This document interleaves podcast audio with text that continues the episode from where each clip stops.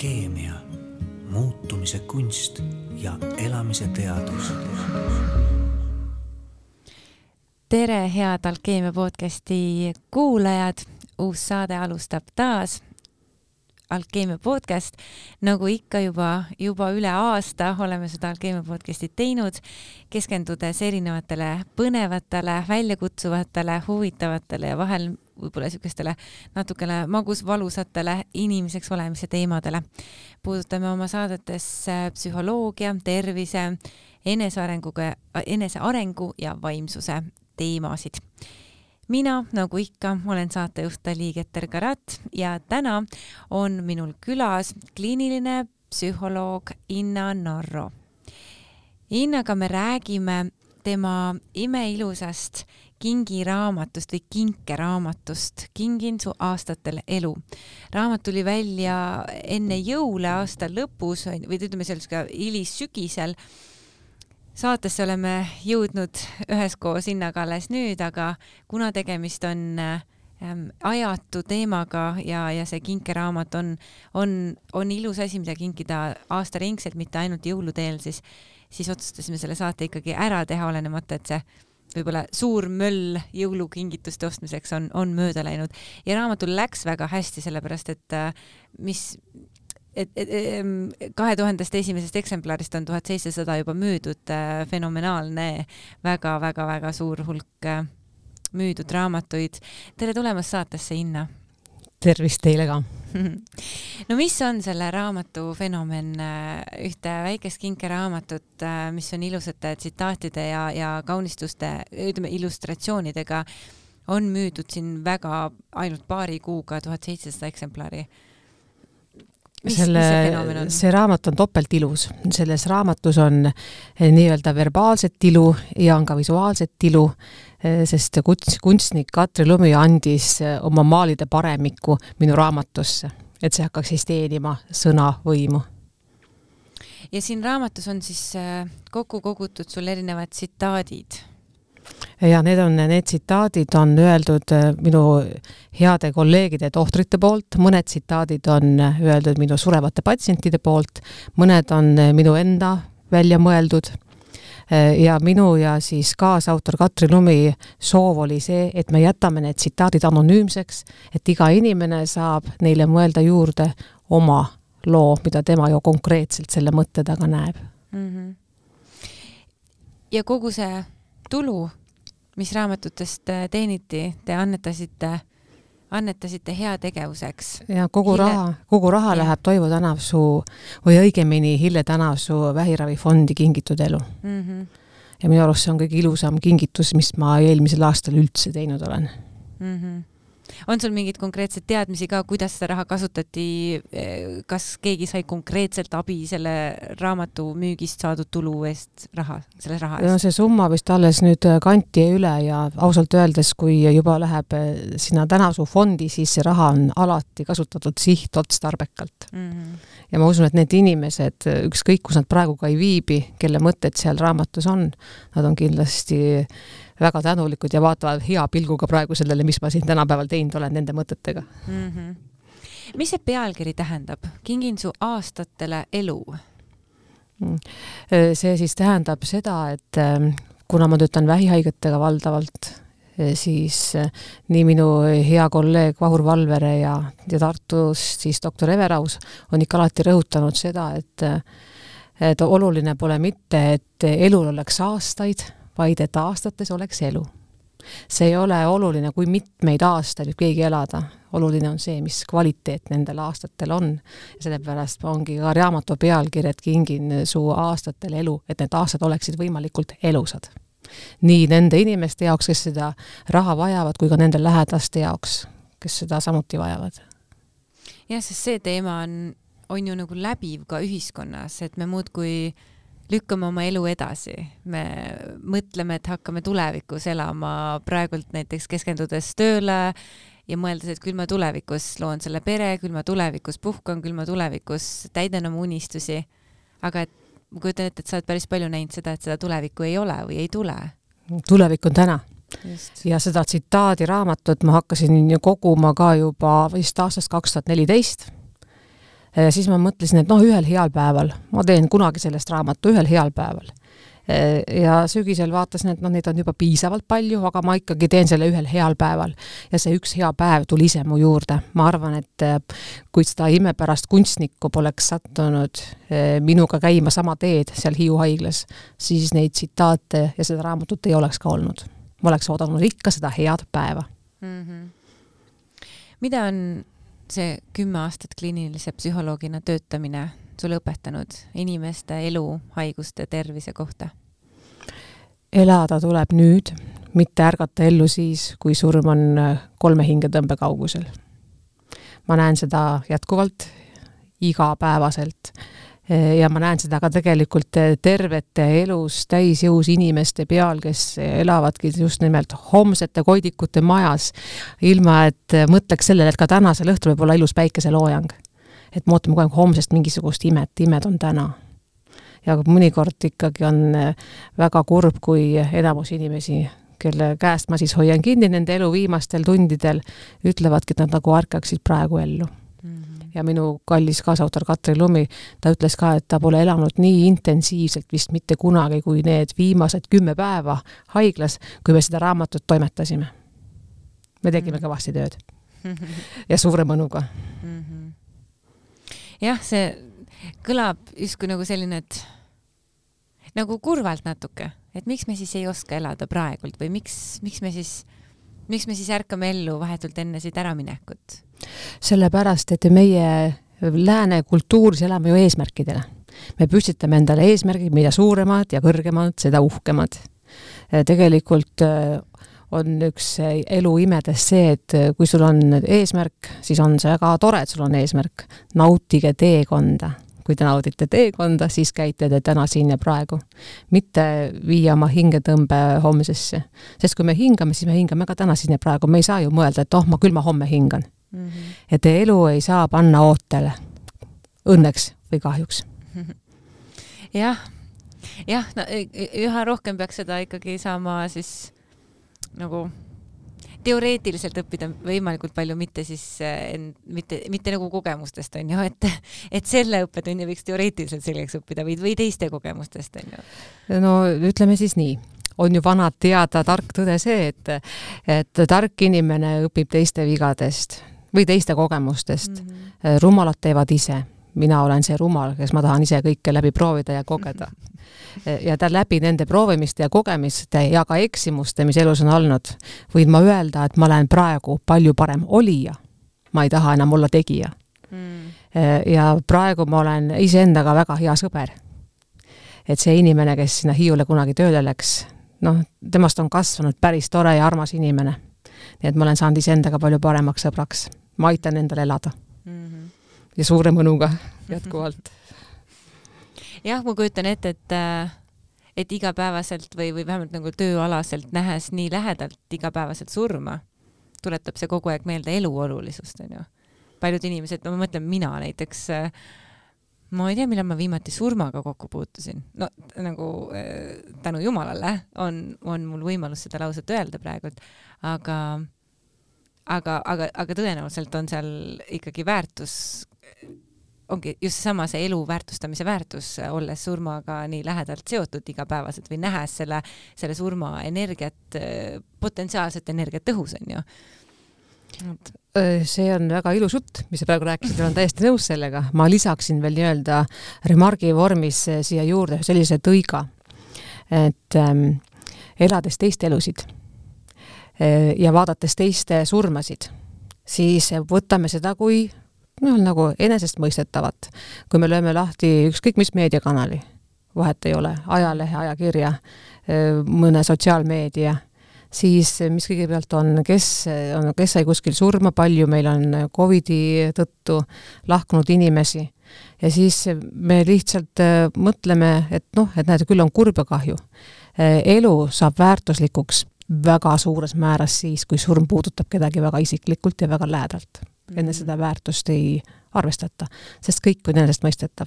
ma olen igavesti ilus, terve, tark ja noor ja minuga niisugust asja ei juhtu kunagi mm. -hmm. kui me unustaksime iseennast võtta enesestmõistetavalt ja, ja pühendaksime enda tegelikele vajadustele, mitte mäetippudes kõrguvatele eesmärkidele. ma usun, et me oleksime palju vähem haiged, rohkem terved, meid oleks palju vähem eh, nii-öelda siis eh, võib-olla eesmärkide puudumistest tingitud surmasid ja meil oleks palju, palju-palju rohkem üksteisele pühendatud elusid mm. -hmm. jah, ja siis oleks meie aastates palju rohkem elu, on ju Äh, jaa, kindlasti, sest mm -hmm. haigused tulevad ju ikkagi sellisest äh, emotsionaalsest kulutamisest, kui inimene sõidab pidevalt sidur-pidur gaas põhjas, siis ühel päeval ta lihtsalt põleb läbi. Ja keha hakkab andma häiret ja ega me ju sellest ei õpi. ja kahjuks äh, siis just need kasvajalaadsed haigused avastataksegi enamjaolt ikkagi rohkem seal viimastes staadiumites mm.. Mm -hmm. kas on ähm mida sa oled äh, märganud oma või öeldakse, tähendab, öeldakse, et äh, et surijad karda- või nagu kahetsevad kõige rohkem tegemata jäetud asju kui tehtud asju. kas sina saad oma kogemuse põhjalt äh,, oma vaatluste põhjalt, oma patsientide lugude põhjalt sama järeldada? mulle tundub, et see on vist kultuuripõhine ajatu klassika. et olen siin lugenud nii-öelda siin Euroopa ja Ameerika ja, ja teiste kultuuride poolt nagu väga välja antud mõtteid, siis just seesama tegemata eh, tehtud asjad ja just see, et liiga palju tööd ja liiga vähe lähedasse koos aja veetmist. See on nagu ajatu klassika, see on see püha kolmainus mm. -hmm. ja seda võib lugeda ükskõik mis keeles ja ükskõik mis riigis tehtud uuringute põhjal. Äh, aga samas mul on olnud ka paar meest selle kümne aasta jooksul, kes on öelnud, et eh, neil oli suur õnn ja au Äh, abielluda maailma kõige ilusama, kõige parema ja kaunima naisega. see on nende elu moto, selle teadmisega nad surevad õnnelikult mm. -hmm. et ma arvan, et sellise mõttega on väga ilus surra mm. -hmm. Jah, et ole rahul sellega ja, ja, jah mm. -hmm. mida sa ise oled hakanud teistmoodi tegema nüüd, olles, olle, nii-öelda nagu vastavalt sellele, kus sa töötad, mis sa teed, mida, millega sa igapäevaselt kokku puutud, mis sa oled oma elus muutma, muutunud? ma olen äh, hakanud rohkem vaatama, mitte mm -hmm. nägema. ma olen hakanud kindlasti rohkem kuulama kui kuulma ja ma olen kindlasti hakanud paremini olema kui tegema mm. -hmm. sest äh, tegemisest ma loobusin üsna tiht-, üsna koheselt, kui ma jõudsin sinna Hiiu äh, elu ja surma maailma hotellitööle mm. -hmm et see, see hetkes olemise oskus, see kulutab vähem. aga mis see tähendab täpsemalt, et, et, et mitte tegema, vaid olema, ehk siis, et, et sa nii-öelda kas nagu sõna-sõnalt sõna-sõnaliselt otse, otsetõlkes, et sa lihtsalt nii-öelda lubad endal olla, ei tegutse nii palju. Ja just, et ma lihtsalt olengi selles hetkes ja vaatan, mida ma enda või kellegi teise jaoks saan parasjagu ära teha mm. -hmm. ja kui ma midagi ära teha ei saa, siis ma lihtsalt eh, Eh, nii-öelda legaalselt mediteerin ehk lihtsalt logelen, mida soovitan kuulajale ka. igas päevas võiks olla üks tunnike logelemist, olles eemal sotsiaalmeediast, olles ilmal, olles eemal ilm, nii-öelda hullutavast ilmakärast mm. -hmm. et see, see olemine ja see logelemine ja üldiselt, kui ikkagi inimene eh, armastab seda, mida ta teeb, armastab oma tööd, siis töö armastab seda vastu ja juba see töine tegevus on meditatsioon ja see on juba ka olemine, mitte tegemine mm. -hmm. et mina olen tööl. õigemini mina olen oma hobis, mitte mina ei tee tööd mm. -hmm ja kusjuures, kuna ma töötan veel Pirita koolis noh, nüüd juba gümnaasiumiastme psühholoogina üks päev nädalas ja ma annan ka tunde psühholoogiat ja valikaine raames, siis ma püüan ka enda noortele just nimelt panna südamele selle, et iga päev üks tunnikene logelemist säästab võib-olla nii mõnegi aasta tulevikus tervist mm. -hmm. Mm -hmm. ometi on seda selles tänapäevases kiires tempokas eesmärkidele ja tulemustele orienteeritud ühiskonnas väga raske võtta.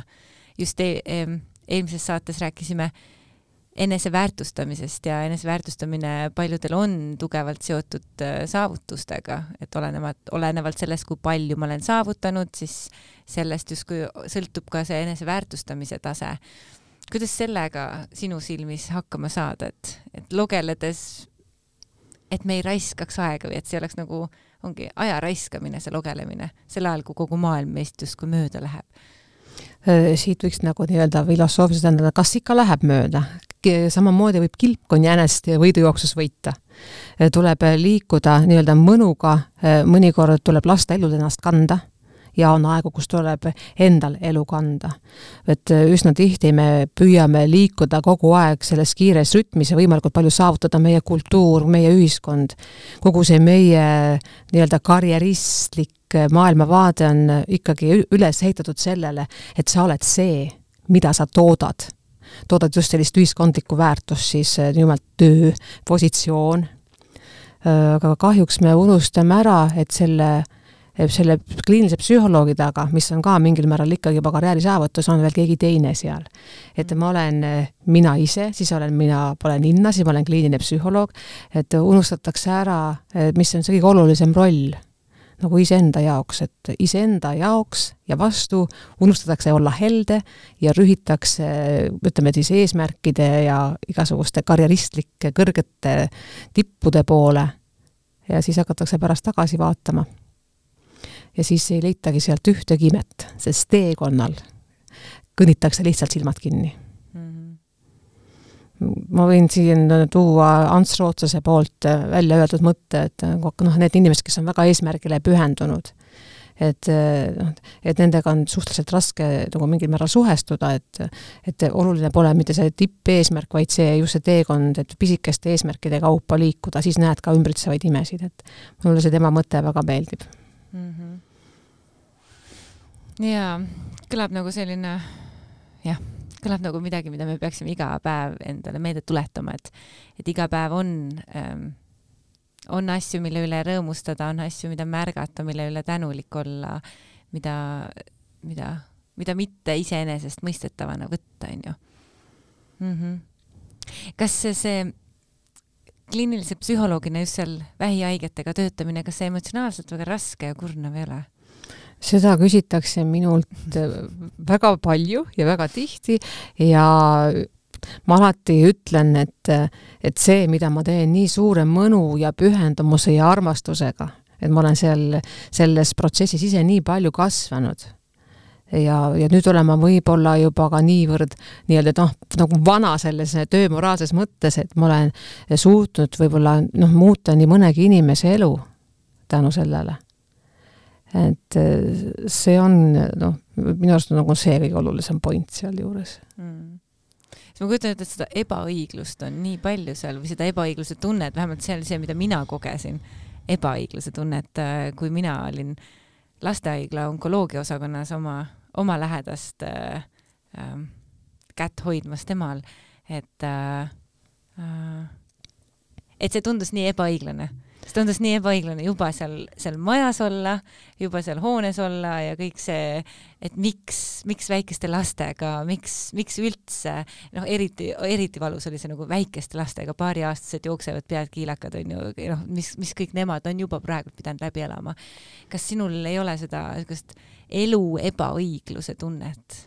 kõigepealt minu poolt sügav kummardus, ma olen käinud seal osahoones ja ma olen löönud kaasa ka siin mõned aastad tagasi vähihaigete laste vanemate liidu poolt äh, läbi viidud projektides.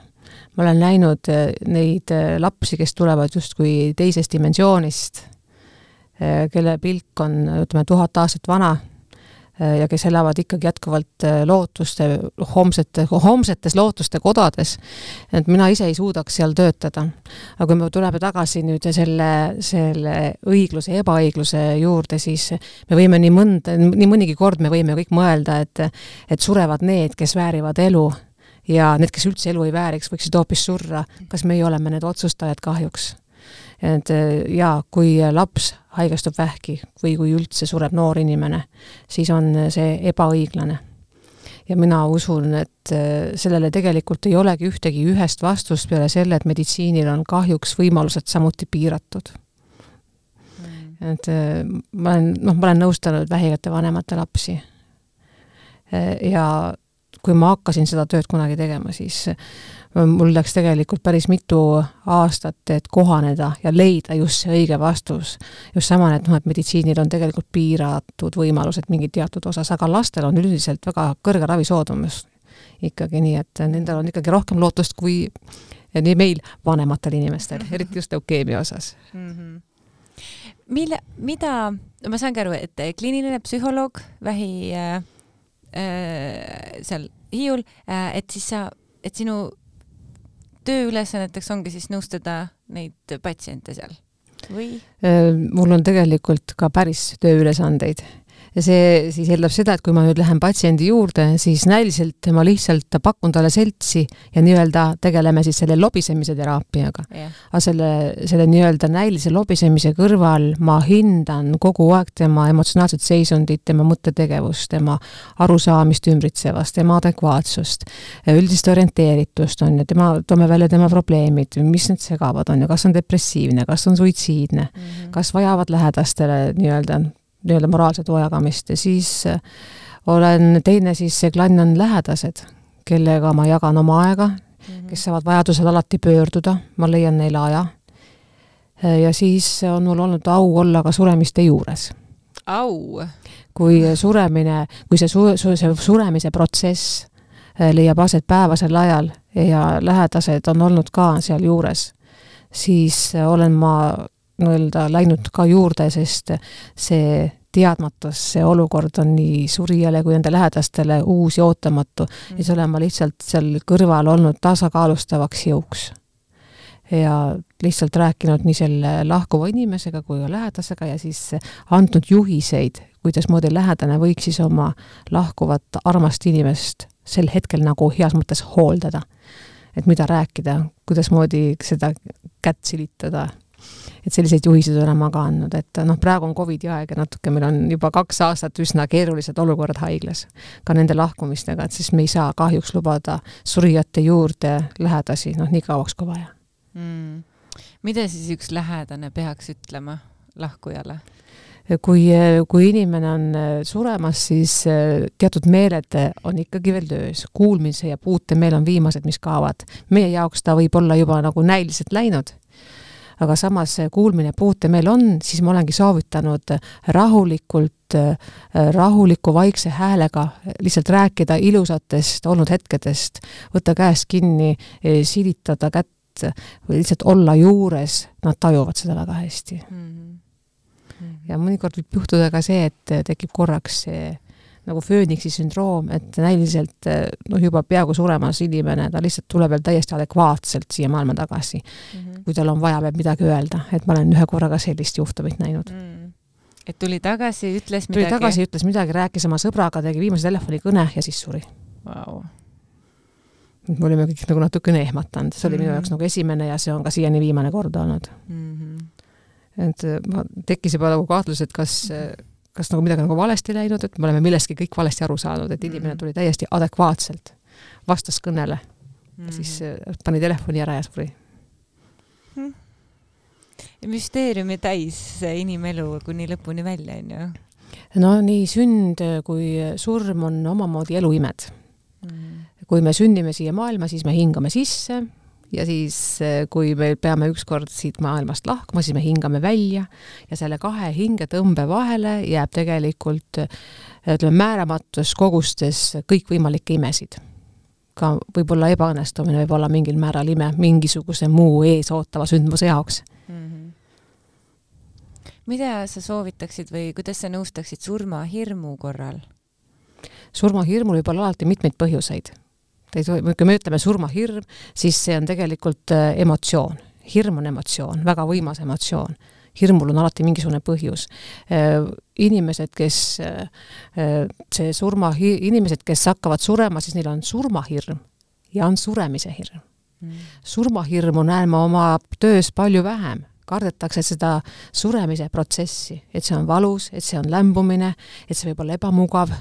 just nimelt kardetakse kõige rohkem valu ja lämbumist no meie meditsiin ja meie valuravi ja meie palliatiivne hooldus on nii heal tasemel juba, et inimesed oma eh, elust lahkumise eel saavad valuvaba väärika minemise siit teise dimensiooni mm. -hmm. surmahirmu kogema tegelikult vähem, surmahirm tekib siis, kui inimene ei ole enda jaoks elanud mõtestatud elu mm. -hmm ja ma tegelikult näen seda juba meie noh, oma noorte õpilaste seas ka, et kui tekib küsimus, et ah, mida ma teen, tekib see eksistentsialistlik äh, olemasolemise vajadus midagi teha.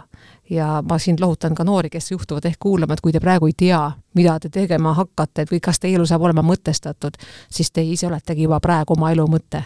hakake vaikselt minema, küll see mõtestatus ka ühel hetkel tuleb mm. -hmm. et surmahirm on tavaliselt neil, kes ei ole suutnud elada oma elu enda jaoks mõtestatult hästi. selleks võib olla siis maailma kõige ilusam inimene enda kõrvale saada, suurepärane abielu, lapsed või siis isa-isade kodu ülesehitamine mm. -hmm Äh, ja kui me kardame kellegi teise surma, näiteks et ähm, inimestel on nagu tugevad hirmud, et nende lastega midagi juhtub, et nende elukaaslasega midagi juhtub, äh, vanemad surevad. minu neil-, viieaastane ikka aeg-ajalt nüüd viimastel, viimastel kuudel vist on nüüd tulnud see, see on suht värske asi, kus ta vahepeal muutub hästi kurvaks ja kui uurida, et mis siis on, siis ta, või siis ta tuleb lihtsalt ise kallistama, on hästi kurb, ütleb, et emme ma ei taha, et sa mitte kunagi ära sureksid. arvestades seda, mis informatsiooni me meedias selle surma ja suremise ja igasuguste katastroofide kohta loeme, siis siin ei ole üldse imegi, et, et lapsed teatud vanusesse jõudes hakkavad kartma seda, et nende vanemad surevad. Maire Riis andis kunagi ühe väga ilusa mõtte nendele lapsevanematele, kelle lapsed on võtnud selle teema üles, just nimelt väikelapsed, kellel puudub veel abstraktne mõtlemine et ta ütles, et see, see tsitaat olevat ühest filmist, mille nime ta ei mäleta ja ma hea meelega nüüd siin ütlekski selle tsitaadi ära. et kui nüüd laps läheb oma vanema juurde selle murega, et vanem võib ära surra, siis see lapsevanem võiks öelda, et, et laps ei peaks üldse kartma, sest lapsevanem kavatseb elada nii, nii kaua, et ta näeb selle lapse lapsi suureks kasvamas. kui anda ajale abstraktselt suur ja mõõtmatu mõõde, siis pidi väike lapse väga hästi maha rahustama. noh, siis ma olen õigesti öelnud. ma olengi talle jaganud, et ma olen talle öelnud, et, et ühel hetkel see igal juhul juhtub, sest et kõik, kes sünnivad, kõik ka ju surevad, onju, aga et ma kavatsen elada hästi pikaks, ma tahan teda suurena näha, ma tahan tema naist näha, ma tahan tema lapsi näha ja et, et kavatseb veel kaua elada mm. -hmm. ma usun, et me oleme tihtipeale mures, et äkki me ütleme midagi valesti. siis me püüame olla vait tegelikult, kui on õige aeg, koht ja hetk, siis äh, tuleb lihtsalt sellest hirmust lahti lasta ja need sõnad ise tulevad mm. me oleme tegelikult palju võimekamad ja palju andekamad äh, ja palju nii-öelda sõnaosavamad, kui me arvame end olevat aga me hoiame ennast ju kõik kinni ja krampis, et äkki ma teen midagi valesti. jah, sest see pinge on nii suur, näiteks ma mõtlen, et, et võib-olla saate kuulajate seas on nii mõnigi, kelle, kelle lähedane näiteks on saanud äh, vähidiagnoosi või, või, või, või mingid väga rasked uudised, just näiteks äh, mingi haiguse, haiguse tõttu rasked uudised, et ma arvan, et see kimbatus on nagu kõikehõlmav, et mida öelda vähidiagnoosi saanud inimesele või, või mida talle öelda, et et üldse seda asja nagu lohutada või, või et nagu täiesti blank või tühjus on ju, et, et mida öelda, et esiteks valesti ei ütleks ja noh, ongi, et kas me siis saame midagi valesti öelda või et üldse, et, on sul mingeid soovitusi, et mida, mida siis sellises hetkes üldse öelda või, või kuidas olla? ma ütleks ausalt, et on, on üt-, noh, et tähtis ei ole see, mida öelda. tähtis on see, kuidas öelda. kui inimene saab selle diagnoosi, siis tema jaoks on see esmapilgul surmaotsus mm. -hmm. tekib šokk šokk on tegelikult hea, ta kaitseb meie keha ja meie haju hetkeks, annab meile aega kohaneda. Öelda kohe šokis inimesele ei olegi tegelikult mingisugust no ütleme, mingisugust õiget sõnalauset ei ole selle jaoks, sest ta ei võta nagunii informatsiooni vastu. piisab lihtsalt kohalolekust ja see, ja kui on tegelikult noh, möödapääsmatu, sa pead, kui sa pead tõesti arstina inimesele selle diagnoosi ütlema, siis püüda teha võimalikult leebelt, neutraalselt rahulikult ja empaatiliselt mm. -hmm. et mitte ei loe nagu kuiva teksti, vaid annad lihtsalt iga infokillu eh, edasiandmisel aega natukene mm. -hmm. et see diagnoosi ütlemine, see on arstide jaoks üks kõige raskemaid hetki. ja ma olen näinud neid, eh, noh, neid muresid ja noh, kuna ma suhtlen ju palju arstidega ja aeg-ajalt käin neid ka Tartus koolitamas, et siis ongi see, see diagnoosi edasiandmine, see halva uudise ütlemine, et see on tegelikult arstile sama traumeeriv kui inimesele, kellele ta selle mhm. edasi annab. jaa, täiega müts maha, ma ei kujuta ette, kuidas äh, kuidas üldse neid asju teha või, või et üks on see, mida me filmides näeme, seal on justkui see sihuke ähm, nagu distants on vahel, aga et ongi, et kui ise peaks ütlema ma arvan, et see, need peavad olema ikkagi väga-väga tugeva närvikavaga või väga kuidagi õppinud mitte võtma isiklikult neid asju, et mitte läbi elama. tõenäoliselt äh, seda vist sellises, sellises kohas töötamisega ei saa vist olla ükski arst ega ükski psühholoog, ükski sotsiaaltöötaja või üle ükski, ükski meditsiiniõde, et noh, et ta teeb seda nagu konveieri tööd et selleks on teatud liiki inimesed et kes, kes töötavadki aastakümneid just sellises, sellises elu ja surma piirimail, nende elu ja surmaga seotud uudiste seas, et nad on inimesed nagu õigel kohal ja küll nad siis selle mõttega leiavad ja need sõnad mm., kuidasmoodi edasi anda uudist, mida meist mitte keegi mitte kunagi kuulda ei taha ja, või siis keegi just mul tuttavatest oma Instagrami kontol jagas, et et kui me käime näiteks mingi naistearsti juures anname mingisuguseid äh, tul, nagu ähm, proove või vere, vereanalüüse või noh, käime, anname mingeid proove ja siis, et see on see kõne, mida me kunagi ei taha saada. et tavaliselt on see, et kui kõik on korras, siis arst ei helista ja kui arst helistab, siis on seal midagi jamasti.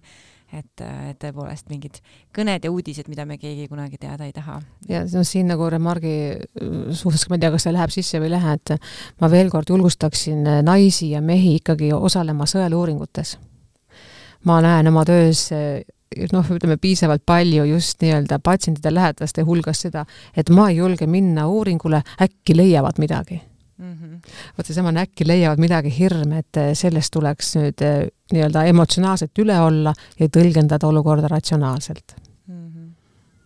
jah, et, et mis see siis hullem on, on ju, noh, nagu sa just mm. alguses, alguses ütlesid ju ka, et enamus vähke avastatakse kahjuks liiga hilja ja siis ei ole enam midagi enamus kordadel teha, ma kujutan ette mm. -hmm nüüd on see raamat äh, Kingin su aastatele elu äh, väljas olnud paar kuud, mis on lugejate tagasiside olnud? Äh, mulle on kirjutanud täiesti võhivõõrad inimesed nii sotsiaalmeediasse kui saatnud mulle kirju ka, et nad on tänanud nende mõtete eest. et need, nii et need mõtted on muutnud nii mõnegi inimese elu ja nii mõnigi inimene on saatnud mulle nagu noh, kirja teel sellise tänuavalduse, et ta leidis sealt äh, ka mõne mõtte, mida enda surevale lähedasele edasi öelda. Mm.. ja muidugi need, need maalid, Katri Lumi maalikogu, mis seal raamatus on, et see on saatnud, see on saanud väga palju kestvaid kiiduavaldusi. Mm. -hmm jah, kokku on saanud väga ilus, ilus tervik ja, ja kuidagi õhkub sellest sellist soojust ja, ja sügavust. jaa ja praegult on siis raamat saadaval, ma vaatasin Pilgrimi kodulehel on ta hetkel saate tegemise ajal küll laost otsas, ehk et ta on vist saadaval siis raamatupoodides. jaa, ta on Eesti raamatupoodides täiesti olemas mm. -hmm. eile ma käisin Apollos vaatamas, Solarises vist ei olnud aga üldiselt teda veel on jah, et äh, ma kutsun teid üles jätkuvalt et eh, kinkima kas iseendale või siis oma sõpradele-tuttavatele see kinkeraamat, et et sellega te võite aidata nii mõnegi vähihaige inimese elu ja anda tema aastatele natukene väärtust juurde. jaa. aitäh sulle, Inna Narro, et saatesse tulemas sellel võib-olla ikkagi natuke raskel ja kurval teemal eh, rääkimast, aga samal ajal väga huvitav oli, oli kuulda seda sisemaailma infot sellest nii-öelda võib-olla niisugusest surmaeelsest äh, suhtlemisest ja kõigest sellest, et kuidas seda surma mõtestada ja mida need raske diagnoosiga inimesed äh, võib-olla näevad või, või mida kaasa võtavad või mida oleks tahtnud teistmoodi näha, et ma arvan, et või teha, et ma arvan, et meil on, meil on sellest väga palju õppida. et, et meie aastates oleks rohkem elu, mitte elus ei oleks lihtsalt olulised need aastanumbrid jaa. väga hästi öeldud aitäh, aitäh ka saate kuulajatele, nagu mainitud, siis jah, raamat ähm, soovitan igaks juhuks piiluda ikkagi Pilgrimi kodulehel, äkki sinna on juurde tulnud äh,, aga raamatupoodidest on ta siis saadaval. kingin su aastatele elu ja raamatutulu siis läheb Hille Tänasuu vähiravifondile Kingitud elu mina tänan, kohtume järgmisel korral ja meie tegemistel, nagu ikka, hoia silma peal ähm, sotsiaalmeedias, Instagramis ja Facebookis ning veebilehel www.alkeemia.ee. jah, olgu siis ka sinul, armas kuulaja, aastates väga palju elu.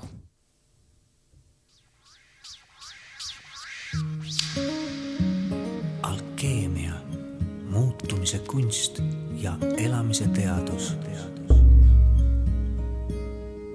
Alkeemia taskuhääling toob teieni huvitavat ja harivat keha, hinge ja meele vallast.